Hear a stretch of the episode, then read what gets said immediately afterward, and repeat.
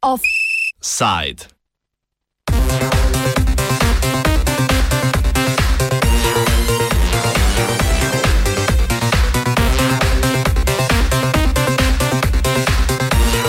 Avto Dac.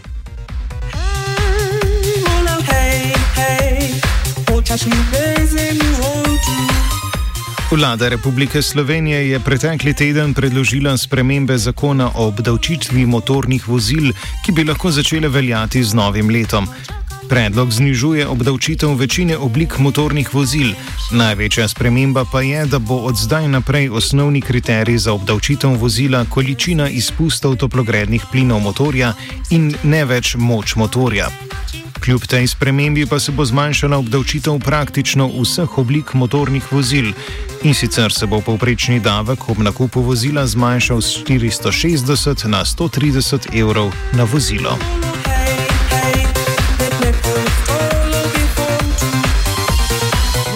Zakon naj bi bil odgovor vlade na upad kupovanja avtomobilov med pandemijo in na spremembe na trgu avtomobilov, ki jih opiše Miha Mrljak, urednik odaje Avtomobilnost na televiziji Slovenija.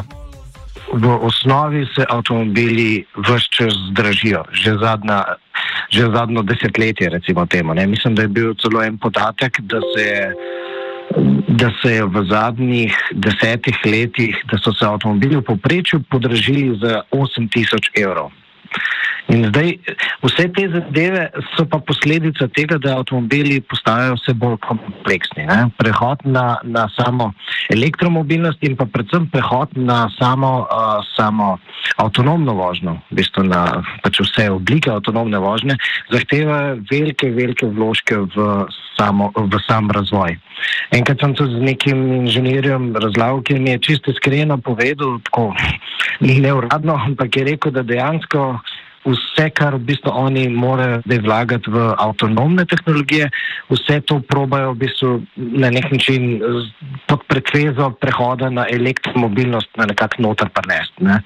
In, in um, v, resnici, v resnici pač avtomobili bodo samo še dražji.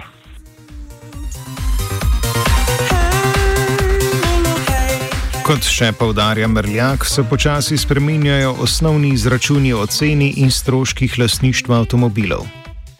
Da tudi to, kar smo včasih računali, v bistvu cena na mesec, ne, ki je bila zelo, zelo odvisna tudi od tega, kako avtomobili uh, na dolgi rok ohranjajo vrednost. Ne, ta, uh, vsi ti nekakšni izračuni so če dalje manj pomembni. Zato, ker tudi v bistvu in električni avtomobili, in vsi moderni avtomobili na nek način prej zastarijo. Pravi, danes se že moramo odločiti, da bomo mi, kot prej avtomobil, prej zamenjali, kot smo ga recimo včasih. Če smo včasih recimo avto držali tudi deset let, zato je bilo to smotrno in je bilo tudi v bistvu nekako ekološko in smiselno, da smo dalj časa avto uporabljali, ne? tudi iz vedika stroškov. Danes to ni nujno čist res stvar so zadnje kalkulacije.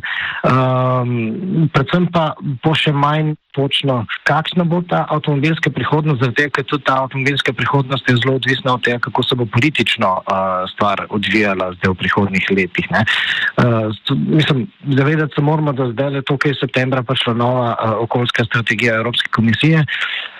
Odziv avtomobilske industrije je bil dosti jasen. Ja, seveda, mi smo za, ampak v resnici, če ne bo v bistvu lokalnih političnih ukrepov, se lahko mi še ne vem, kako trudno, pa dejansko ne bo, uh, ne bo v bistvu nekega velikega učinka. Lokalni, uh, uh, na lokalni uk politični ukrepi pa v resnici pomenijo, da če mi ne bomo ustvarili pogojev, da se bo lahko tudi električni avtomobili tudi nasplošno začeli uporabljati in pa tudi, uh, da bojo se splačali.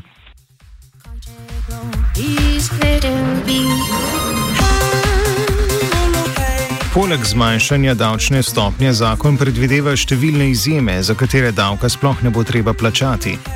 Oproščena bodo starodobna vozila, motorna vozila, ki se uporabljajo za šport, intervencijska vozila in vozila za prevoz invalidov. Družine, ki imajo tri ali več otrok, prav tako ne bodo plačevale davka za motorna vozila, ki jih bodo kupile enkrat v treh letih. Nadalje vlada z novim zakonom ukinja dodatno obdavčitev luksuznih avtomobilov, ki je bila uvedena pred osmimi leti, ko je vlado prav tako vodil Janez Janša. Po besedah ministra za finance Andreja Širclja so avtomobili namreč osnovna dobrina, ki jo uporablja večina državljanov. Zakaj to velja tudi za luksuzne avtomobile, minister ni pojasnil.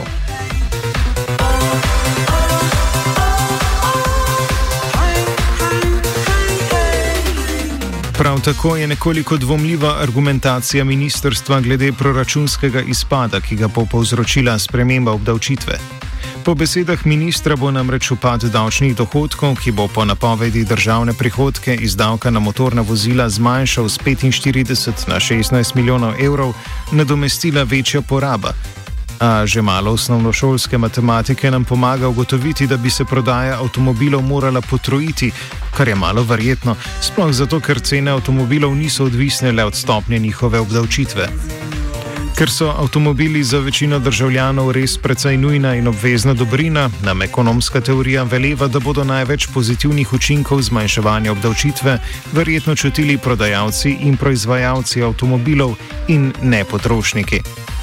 Da bo vpliv na ceno avtomobilov najverjetneje zanemrljiv, se strinja tudi Mitja Okorn iz Zveze potrošnikov Slovenije. Recimo za najmanjše avtomobile je ta davek le nekaj deset evrov in tukaj dejansko ne gre za neko, neko bistveno zmanjšanje, da bi zdaj avtomobili bili bistveno cenejši. Eh, glede na izkušnje, ki jih imamo s prodajalci, si celo upamo trditi, da sploh ne bodo cenejši, ampak da bo ta denar pač uh, lahko vsaj deloma pobral prodajalec. Uh, zdaj, kar se pa tiče proračuna, je morda res, da se nas je razumelo, kot da zdaj Zveza potrošnikov Slovenije uh, skrbi za proračun, ni čisto res. Mi smo želeli povdariti, da ta uh, po navedbi finančnega ministrstva 28 milijonov evrov uh, globok uh, primankljaj, um, ki bi ga pač uh, po uh, sprejemu tega zakona o davku na motorna vozila uh, dobili, da je po našem mnenju predvsej velik, glede na to, da govorimo o prodaji avtomobilov, ki niso ravno najbolj trajnostna oblika mobilnosti. In uh, želeli smo predvsem upozoriti, da se za kakšno drugo, bistveno bolj trajnostno obliko, predvsem javni prevoz, v Sloveniji zelo težko najde že nekaj sto tisoč, kaj še le 30 milijonov evrov uh, za vlaganja uh, ali pa recimo za uh, kolesarske steze in povezave. Uh, Medtem ko pri avtomobilih je pa uh, takšen strošek očitno kar sprejemljiv.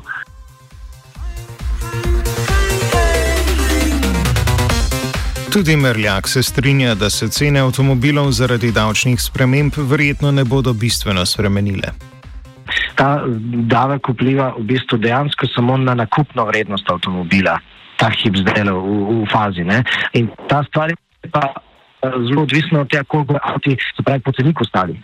Na dolgi rok v bistvu je pa uh, ta glaven strošek je veliko v bistvu uh, delu uh, na dolgi rok, veliko razliko je pa uh, ohranjene vrednosti, ne? ker so lahko v bistvu tudi na nekaj deset procentov v bistvu razlike.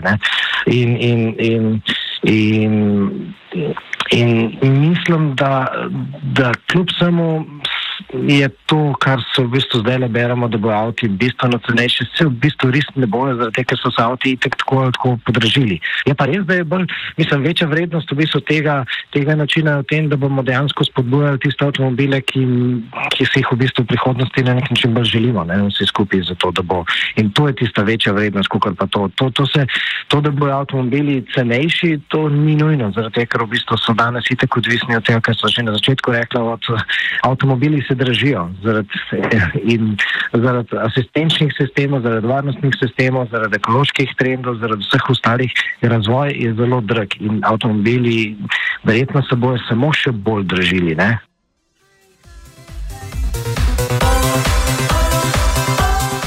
Čeprav po mnenju zveze zakon prinaša številne pozitivne trende, predvsem kar se tiče birokratskega bremena ob izračunu davka, pa je po njihovem mnenju premalo okoljsko naravnan. Se pravi, ta novi zakon oziroma uh, naj bi nekako um, ukinil to uh, odmerjanje davka po vrednosti avtomobila. Uh, kar tudi ni imelo smisla v starem zakonu, ker uh, je to pomenilo, da recimo avtomobil z več varnostne opreme, se pravi bolj varen avtomobil, avtomobil uh, je moral, vsi moral za njega plačati bistveno večji davek. Uh, hkrati pa so ostale nekatere stvari, ki, uh, za katere smo že ob, uh, na javni razpravi pozorili, da nam niso najbolj všeč, če tako rečem. Uh, sreči in pa zelo lepo je, da so upoštevali uh, naš predlog da se za uh, vozila z električnim pogonom uh, davek na motorna vozila ne zaračunava, se pravi, da je nič evrov. Uh, to je vsekakor uh, tudi pozitiven korak naprej. Uh, malce manj pa smo zadovoljni s tem, da v resnici je razlika med uh, čistimi, uh, pod narekovaji seveda, in pa manj čistimi avtomobili uh, bistveno manjša, uh, kot bi lahko bila, predvsem je pa premajhna, da bi se kupci, uh, glede na to razliko, odločali za nakup bolj čistih avtomobilov. Uh, Kot primer naj navedem, recimo lahko bi določili neko mejo, recimo 100 ali pa 150 gramov uh, CO2 na kilometr, uh, pod katero bi bila obdavčitev sorazmerno nizka, pod kakšno določeno mejo morda celo ničelna.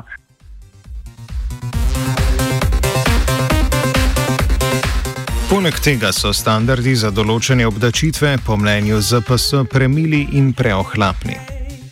Od idej, ki se nam je porodila, ko smo gledali ta zakon eh, še v fazi pripravljanja, je bila tudi, da, bi, eh, da ne bi več upoštevali eh, splošnega standarda evro, okoljskega standarda evro, kajti znotraj tega standarda, recimo zdaj je v veljavi evro 6D je, uh, so razlike med avtomobili kar velike, tudi pri praktičnih testih so te razlike opazne in glede na to, da gre za zdravstveno precej uh, nevarno, uh, nevarne izpuste dušikovih oksidov, bi bilo prav, da tudi znotraj tega standarda, da se pač davek odmerja glede na dejanske izpuste, ne pa samo, da pač avtomobil sodi v ta standard. Pri novih avtomobilih je pač tako, da bodo vsi prišli uh, v najnižji razred obdavčitve.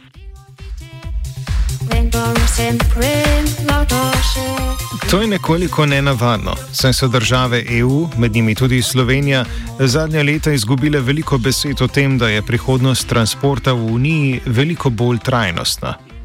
Mislim, nekaj se moramo zavedati, da dizlom. Uh, Pač politika je določila, da bo v prihodnosti pač, eh, elektromobilnost tisto, kar bo, eh, kar bo pač, mislim, šlo naprej. Sej, seveda, se tudi je logično, v bistvu, da bo električna eh, mobilnost v bistvu ta prava. Samo dejstvo je to, da danes ima marsikateri kupec niti ne more v bistvu zares privoščiti električnega avtomobila, ker pač v praksi je z njimi še vedno. Za nekatere uh, funkcije pač mislim preprosto, uh, preprosto ne, ne nesmotrno, da bi eh, prešel to na, na električen avtomobil. Se pravi, za kakšne trgovske potnike, ki na dan naredijo 300, 400, 500 km, mislim, z elektroavtomobilom si ustvari človek, kako koli vzamemo v praksi, še vedno v bistvu kar nekaj težav. Ne? In, in, in uh, preprosto se danes marsikomu še vedno splača v bistvu ta dizel. Uh, in mislim, da nekaj časa bo še tako, ampak dejstvo je to, da pač zaradi vseh možnih ukrepov, ki se bodo dogajali, ne, ali bo to pomenilo na lokalnem nivoju, da bojo pač uh, mesta zaprla, uh, omejeva, začela omejevati promet z dizelskimi motori, ne, so pravi v, v roku petih, desetih let lahko pričakujemo, da bomo v bistvu precej hendikepirani, če bomo uporabljali dizelski ali pa benzinski avtomobil na tak ali pa na drugačen način.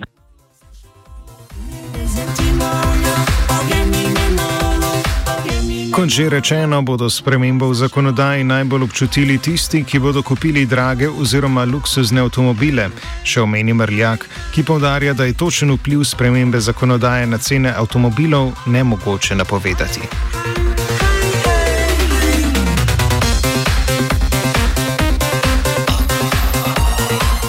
Ne glede na to, ali in za koliko se bodo avtomobili za navadne smrtnike z novo zakonodajo pocenili, pa je težko razumeti, zakaj se je vlada za ta korak odločila prav v času, ko bo državni proračun zaradi protikoronskih ukrepov najverjetneje pestil eden najhujših primankljajev.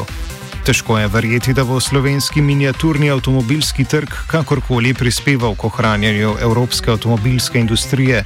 Hkrati pa ni povsem jasno, ali bodo z novim zakonom slovenski davkoplačevalci karkoli pridobili.